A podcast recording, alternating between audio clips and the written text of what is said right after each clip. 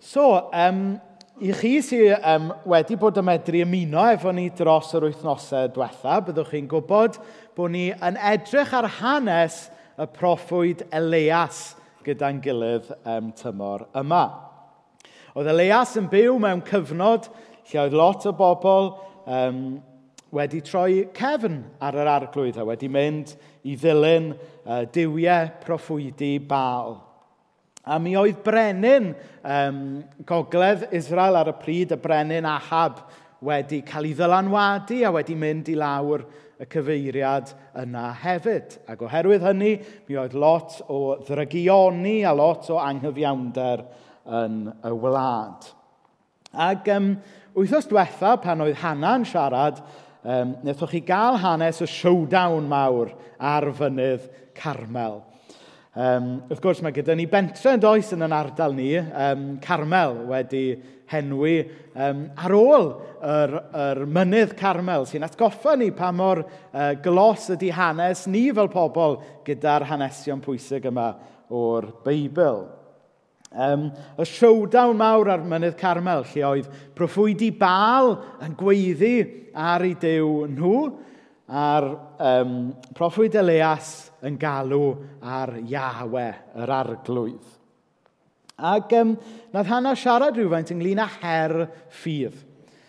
Um, hynny yw'r her i ni roed yn ffydd yn y pethau iawn. Achos mae e'n eitha ffasiynol dyddi yma e, i ddweud bod ganddo ni ffydd. Ond dydy, mae cryfder unrhyw ffydd yn dibynnu be chi'n rhoi eich ffydd ynddo fe, yn dydy? yn ei allwch chi gael ffydd bod eich tîm ffwtbol mynd i ennill gêm pnawma. Ond, dych chi ddim yn gwybod hynny. dych chi ddim yn gwybod hynny. Dych chi ddim yn gwybod go iawn sut mae'ch tîm chi mynd i berfformio. Mae ffydd yn dibynnu ar wrthrych y ffydd, ar object y ffydd yna, dydy. A, a mae hanes mawr y showdown yma yn atgoffa ni fod roed yn ffydd yn y lle iawn – yn bwysig, bod roed yn ffydd yn yr arglwydd.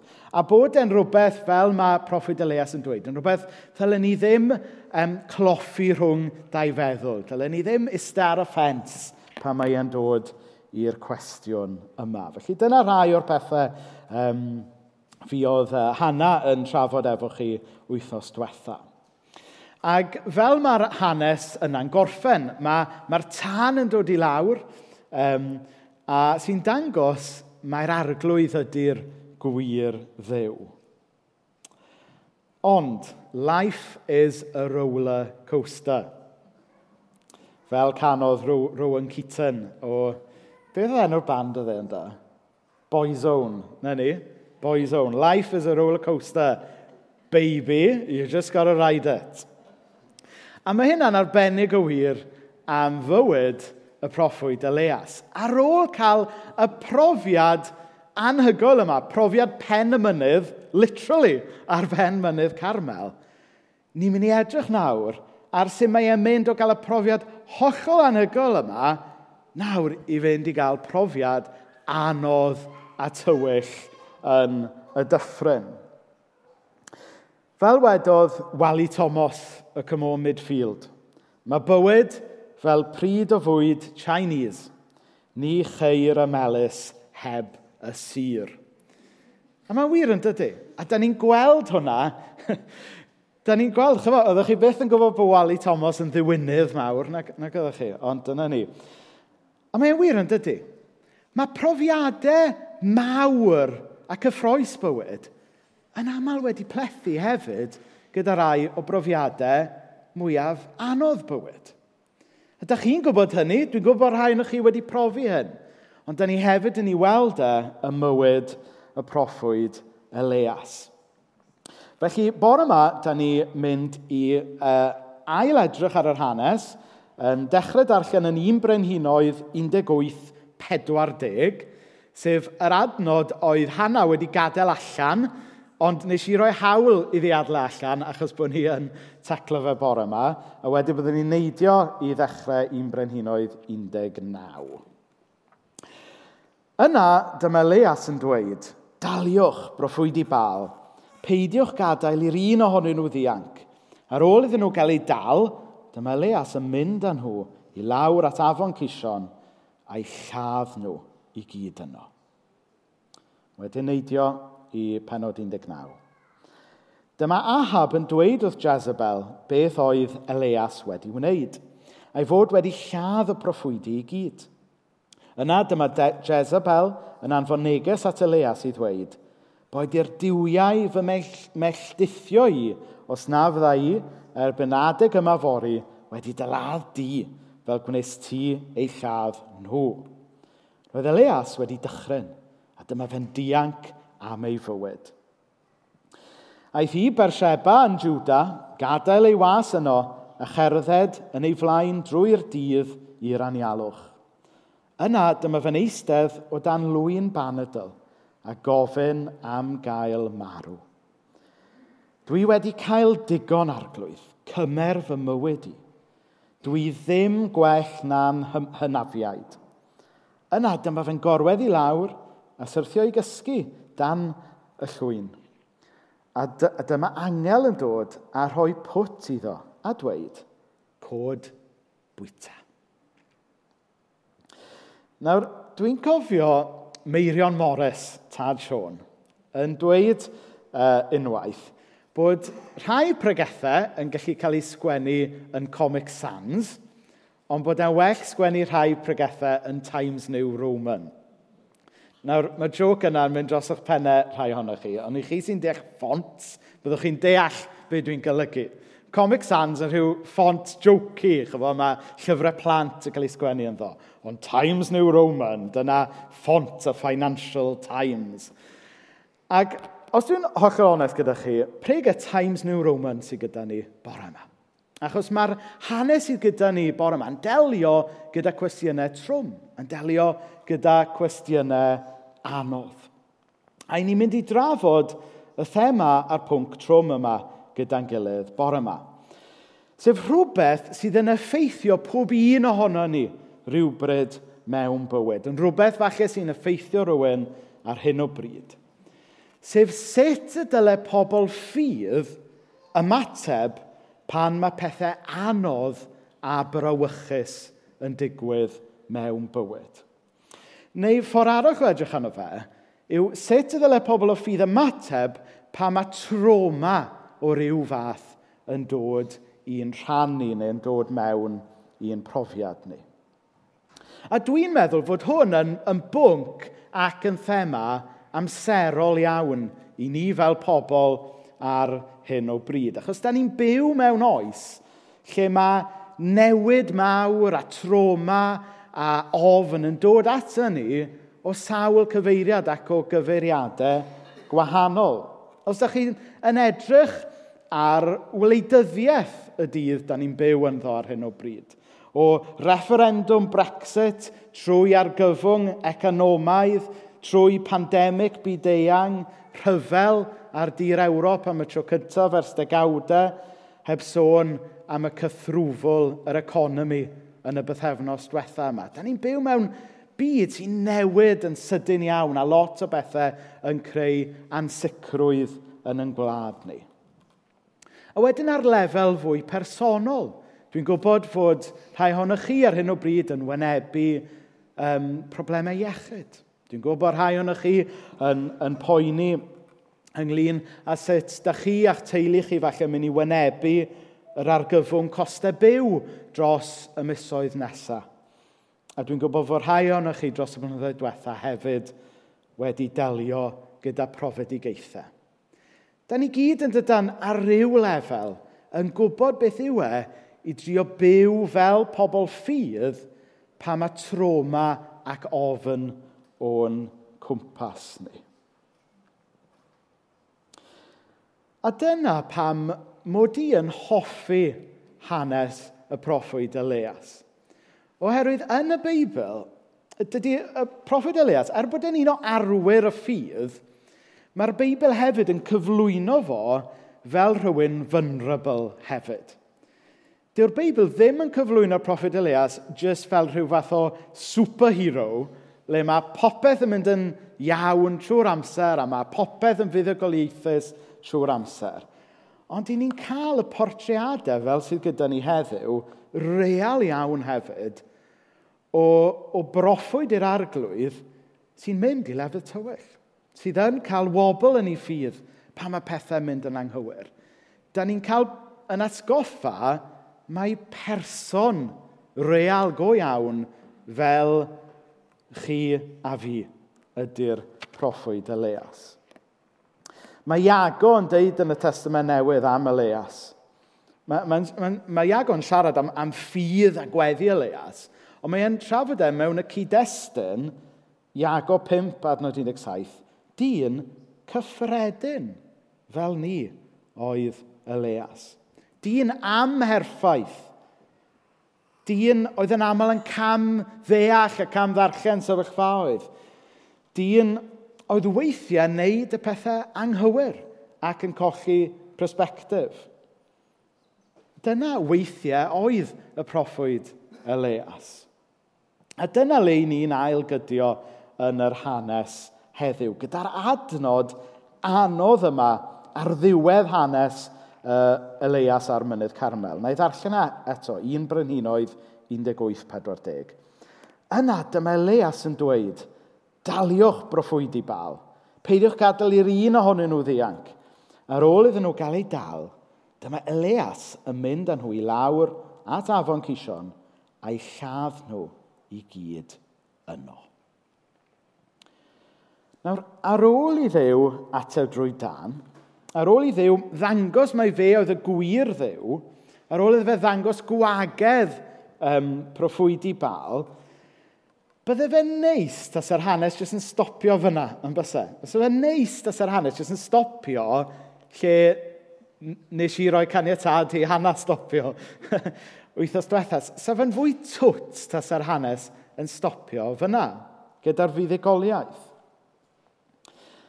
Ac yn aml, pan da chi'n clywed pregethau am hanes Mynydd Carmel, dyna lle mae pregethwyr yn stopio, a dyna lle mae rhai llyfrau yn stopio. Maen nhw'n trio anwybyddu'r adnod awkward yma sy'n dod ar ddiwedd yr hanes. Ond mae'r hanes yn gorffen gyda'r diwedd dychrynllyd a gweidlyd yma. A chi'n deall na'r pan bod y, y bregaeth yn Times New Roman. Yn dilyn y fuddugoliaeth fawr yma ar fynydd Carmel – i ni'n gweld Elias wedyn yn mynd ymlaen i gyflawni camwedd tywyll iawn. Wrth ddal um, a hel holl broffwyd i bal a'i llofruddio nhw. Mwy na thebyg bod canoedd ohonyn nhw wedi cael eu lladd wrth afon Cison ar ddiwedd yr hanes yma. A mae rhaid i fod yn real ynglyn â pa mor ddychrynllyd ydy yr hanes yma.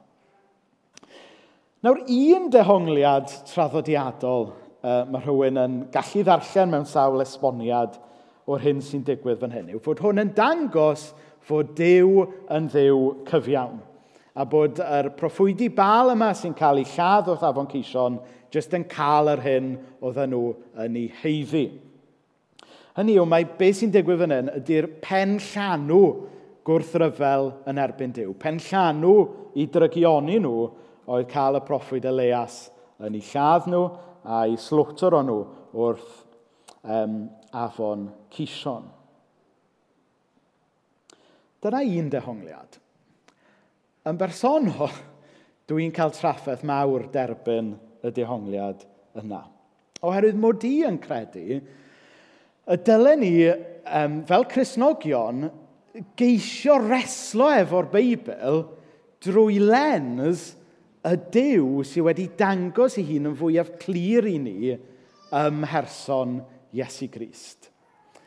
Ddim i ddeud o'r reidrwydd bod ni'n gallu gweld Crist ar bob tudalen o'r Hen Testament, ond fe ddylen ni geisio reslo a deall pob rhan o'r Hen Testament o brysbectif y dew da ni nawr yn adnabod yn Iesu Grist. Un o fy hoff adnodau a'r adnod sy'n allweddol wrth i fi reslo a trio deall y Beibl cyfan yw Hebreaid 1.1, a dwi'n troi at un aml, lle mae'r um, awdur y llythyr at yr Hebreaid yn dweud, mewn llawer dill a llawer modd y llefarodd Dyw gynt wrth yr hynafiaid trwy'r proffwydi. Ond yn y dyddiau olaf hyn, so yn dyddiau ni, llefarodd wrthym ni mewn mab.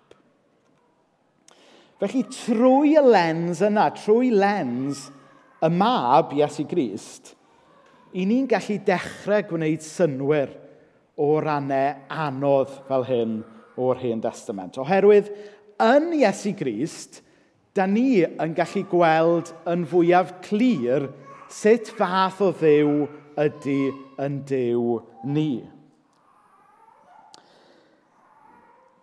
Ac dydy'r Dyw da ni'n cael y fraint o'i adnabod yn Iesu Grist ddim y math o ddew yn fy marn ni, bydde'n anfon Elias i o 400 plus o, broff, o broffwydi wrth ymyl afon. Dyw e jyst ddim yn gyson gyda'r dew cariad sydd wedi dangos hun yn fwyaf clir i ni yn Iesu Grist. Felly, be sy'n mynd mlaen fan hyn? Be mae'r adnod anodd yma yn trio i ddysgu i ni? Wel, y dehongliad sy'n gwneud mwyaf o synwyr i fi o'r, or prosbectif lens Iesu Grist yma ydy, mae beth sydd gyda ni fan hyn, ydy gwers bwerus o hanes ynglyn â sut mae rhywun, Elias, yn gallu bod ar yr ochr iawn, ond gwneud y peth anghywir. Sut mae rhywun yn gallu bod ar ochr y gwirionedd, ond wedyn yn gadael i'w, iw zel crefyddol, i'w, iw, i'w zil crefyddol fynd allan o reolaeth a gwneud y peth anghywir. Mewn geiriau eraill, mae'n wers i ni ynglyn â sut mae ffydd tambaid yn gallu arwain at ymddygiad sydd ddim yn deilwng o'r dew da ni wedi i alw i'w addoli. Y term bydden ni'n defnyddio um, yn y byd modern i ddisgrifio beth sy'n digwydd fan hyn ydy falle religious fundamentalism. Hynny yw, sut mae rhywun sydd falle'n dechrau ar y trywydd iawn yn colli persbectif a wedyn yn neud rhywbeth ofnadwy. A da ni'n gweld hyn yn digwydd drwy hanes. Os edrychwn ni ar yn hanes ni fel ymneilltiwyr, mae rhan o'n traddodiad ni yn mynd yn ôl i'r Pwritaniaid adeg y rhyfel cartre yn Lloegr. A rhai o'r Pwritaniaid yna wedi sgwennu rhai o weithiau diwynyddol gorau i dydd. Ond eto, nath nhw adlu hwnna arwain nhw i bwynt le oedden nhw'n meddwl bod yn oce okay i chopio pen y brenin i ffwrdd. So mae hwnna'n enghraifft o sut mae, mae ffydd o falle wedi dechrau'n iawn wedi arwain rhywun i wneud rhywbeth oedd ddim yn, yn iawn yn oleini i ffydd nhw yn fwy diweddar. Rhai o genhadon mwyaf brwdfrydig oes Victoria. Eto wedi dechrau gyda'r cymhellion iawn, ond wedyn wedi ffeindio hunain yn chwarae rhan yn rhai o droseddau gweithaf yr ymerodraeth Brydeinig. Eto, da chi'n gweld rhywun sydd falle wedi cychwyn ar y trywydd iawn yn colli persbectif ac yn gwneud rhywbeth oedd ddim yn deilwng o'i ffydd nhw. Mae hwn yn atgoffa ni o'r gwendid yna sydd ynddo ni gyd. Ddim bod fi'n trio cyfiawnhau benhath uh, Elias, ddim o gwbl. Ond mae hwn yn wers sy'n atgoffa ni, mae nid superhuman oedd y proffyd Elias. Mi oedd e'n bechadur ffeiledig fel pob un ohono ni. Oedd e'n ceisio'r arglwydd oedd. Ond weithiau oedd e'n cael e'n wrong Ac oedd e'n cael e majorly wrong. Just fel mae'n bosib i ni wneud. Fel pachaduriaid. Na falle bod chi'n meddwl bod hwn yn ddehongliad chydig bach yn woke, fel maen nhw'n dweud fan hyn, tyfod. A bod fi, bod fi fatha, tyfod, yn cael traffaeth derbyn y syniad bod Dyw yn ddiw sanctaidd a bod e'n gallu cosbi proffwydi bal yn ymha bynnag ffordd mae e eisiau. Wel, aroswch am eiliad. Mae'r Beibl ei hun yn pwyntio allan fod Elias a'i genhedlaeth wedi cochi'r ffordd pan mae e'n dod i'r holl drais yma. Um, nes ymlaen yn dau brenhinoedd penod naw, mae holl deulu Ahab a Jezebel yn cael, yn cael ei weipio allan mewn rhyw gyflafan gweidlyd digon tebyg i beth ddigwyddodd i broffwydi bal. A mae'n dweud fod Jechw, um, un o'r, un o'r rhai ddath ar ôl Elias, wedi eneinio gan ddew i gyflawni y gyflafan yma. Ond, nes ymlaen wedyn, yn llyfr y proffwyd Hosea, mae'n dweud fod llinach Jehu mynd i gael ei cosbi am yr holl dywall gwaed yma yn erbyn teulu Ahab. So beth sy'n digwydd fyna? Ydy'r Beibl yn rhywbeth o newid i feddwl, ydy Dyw wedi newid i feddwl? Ydy'r Beibl wedi, wedi newid y stori? Wel na. Mae jyst yn dangos beth sy'n digwydd pan mae pobl Dyw yn neud camgymeriadau. Mae'n dangos beth be sy'n dig gallu digwydd pan mae pobl yr arglwydd yn gallu cam ddeall, cam camddehongli a gwneud pethau ofnadwy yn enw yr arglwydd. Oedd Jehu fel Elias yn meddwl fod yn cario allan y wychus dew. Ond fel mae'r proffwyd yn dangos i ni, doedd e ddim. Oedd e wedi gam arwen, oedd e wedi cam ddarllen y sefyllfa.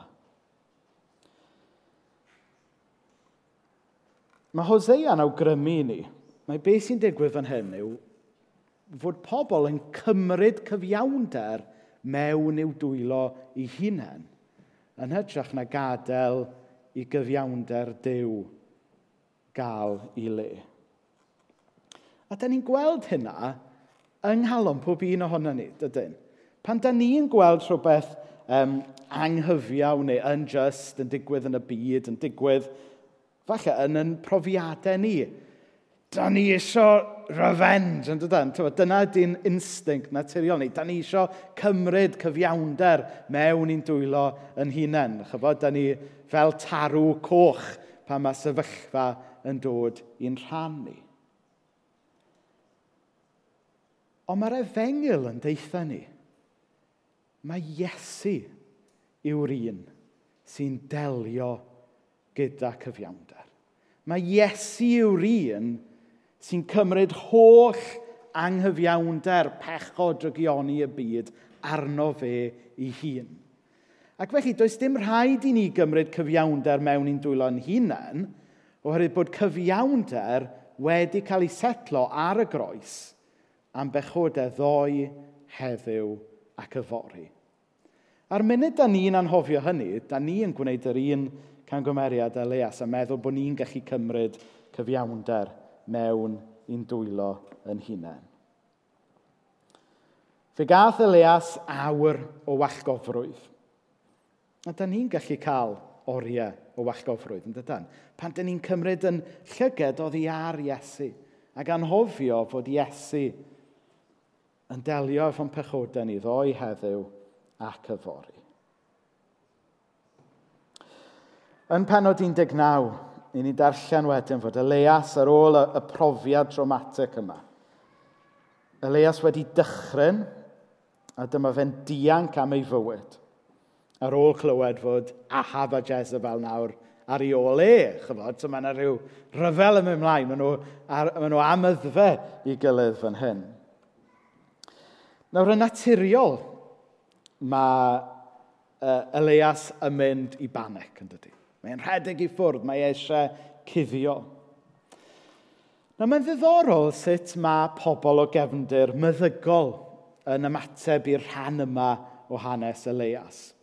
Mae rhai pobl yn meddwl mae beth sy'n digwydd fan hyn yw bod e'n cael crash ar ôl yr adrenalin rush bydde fe wedi brofi ar fynydd Carmel.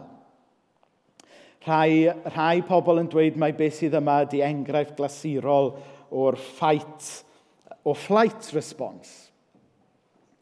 Rhai esbonwyr beiblaidd o gefndir meddygol yn dweud mai beth sydd yma ydy rhywun sy'n dioddau o, o PTSD, Post Traumatic Stress Disorder, sef sef, um, to, cyf... dwi ddim yn ddoctor, so geith Robin a Ruth wth o fi ar y diwedd, ond tywa, rhyw fath o um, um, cyflwr iechyd meddwl sy'n dod ar rhywun ar ôl iddyn nhw fynd trwy brofiad uh, mawr, anodd, sydyn, traumatic. A bydde hwnna'n sicr yn rhywbeth bydde Leas wedi profi yn bydde. Wel, ddim doctor y dwi, ond mae hawdd deall y dydy ar lefel ddynol sut bydde Elias yn ffoi. Pam y bydde Elias yn mynd i'r lle tywyll yma ar ôl bod trwy'r profiadau mawr ac anodd mae e'n mynd trwyddo. A wedyn mae Elias yn ffeindio'i hunan. Yna dyma fe'n gorwedd i lawr a syrthio i gysgu dan y llwyn. Chyfo weithiau, sy'n byd gwell na jyst mynd i'r gwely na goes. Falle bod...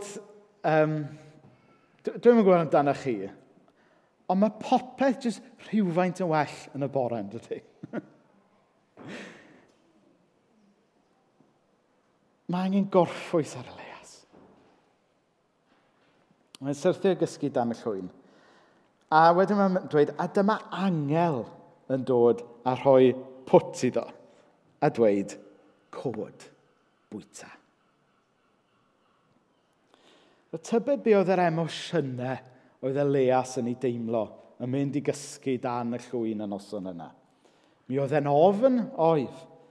Mi oedd yna flinder mawr arno fe. Mae'n siŵr oedd, oedd yna eogrwydd arno fe, oedd? Oedd y newydd lofruddio canoedd o bobl wedi'r cyfan. Mae'n siŵr oedd pwysau y cyfan yn drwm iawn arno fe. Nawr falle bod yna rhywun yma bore yma yn yr un lle a leias. Nawr, gweithio bod ni wedi llofruddio cannoedd o bobl, ond um, falle bod yna rhywun yma bore yma wedi blino. Falle bod yna rhywun yma yn byw mewn ofn ar hyn o bryd. Falle bod, falle bod yna rhyw health scare yn eich bywyd chi neu yn eich teulu ar hyn o bryd sy'n neud i chi ofni. Falle bod yr hyn mae'r economi'n mynd trwyddo ar hyn o bryd yn neud i chi boeni sut y byddwch chi'n gallu talu eich rhent neu'ch morgais mewn chydig fysoedd. Falle bod y chi angen isteu lawr dan y goeden. A bod angen i'r arglwydd anfon angel atoch chi bore yma. Falle bod chi fel Elias wedi cael digon. Falle bod chi'n teimlo fel bod chi ddim yn gallu cario ymlaen ar hyn o bryd. Ond y newyddion da, ffrindiau, ar ddiwedd pregaeth, dwi'n gwybod sydd wedi bod yn drwm, felly diolch am sticio efo fi. Newyddion da yw bod yr un dew na anfon angel at Elias yn danfon i gariad i ras a'i fyddeiant i bob un ohonoch chi bore yma. Wrth i Elias ffeindio ei hunan yn gorwedd dan pren y goeden, da ni'n cael yn gwahodd i orwedd dan pren croes Calfaria. Mae yna wahoddiad i ni orffwys dan y groes bore yma. Mae Iesu yn deud yn y fengel Matthew, Dewch ata i bawb sy'n cael eich llethu gan feichiau trwm, a rho fi orffwys i chi. Felly, jyst fel oedd Dyw yn rhoi gorffwys i Elias dan y goeden yna. Mae Iesu nawr yn cynnwyd gorffwys i ni. Dewch gyda mi o dan fy iau er mwyn i chi ddysgu gen i. Dwi'n addfwyn ac yn ostynedig a chewch chi orffwys. Nawr, mewn byd sy'n llawn troma, mewn byd sy'n llawn ofn, mewn byd sy'n llawn dychryn, mae yna wahoddiad i bob un ohono ni beidio gadael i'r ofn yn rheoli ni. Na mae ofn yn reality. Dwi'n mysio wneud yn fach o ofn. Ond mae yna wahoddiad i ni beidio gadael i'r ofn yn rheoli ni. Ac yn hytrach i ni ddysgu byw mewn ffydd yn y dew sydd yn yn caru ni. Be mae hwn yn edrych fel? Wel, mae'r Beibl yn sôn wrthyn ni am ffrwythau'r ysbryd. Beth yw ei fyw yng ngoleini yn ffydd yn Iesu? Byw mewn cariad nid casineb. Byw mewn llawenydd nid trystwch. Heddwch dofn yn hytrach na gofn. Amynedd nid panic. Caredigrwydd nid hunanoldeb daioni, nid drygioni, ffyddlondeb, nid anffyddlondeb, ddfwynder, ac nid geiriau cas, hunan reolaeth, a nid berbwylledd. Yw, da ni'n byw, yn dydan, mewn oes sy'n llawn casineb, llawn trystwch, llawn ofn, llawn panic. Ac os ydych chi'n debyg i fi, ydych chi'n gadlu'r pethau yna ffeindio lle yn eich calon lot rhy aml. Nag yw e'n well byw mewn ffydd lle mae cariad yn cymryd lle casineb, lle mae llawenydd yn cymryd lle trystwch, lle mae heddwch dofn yn cymryd lle ofn. Gewn ni blygu pen mewn gweddi.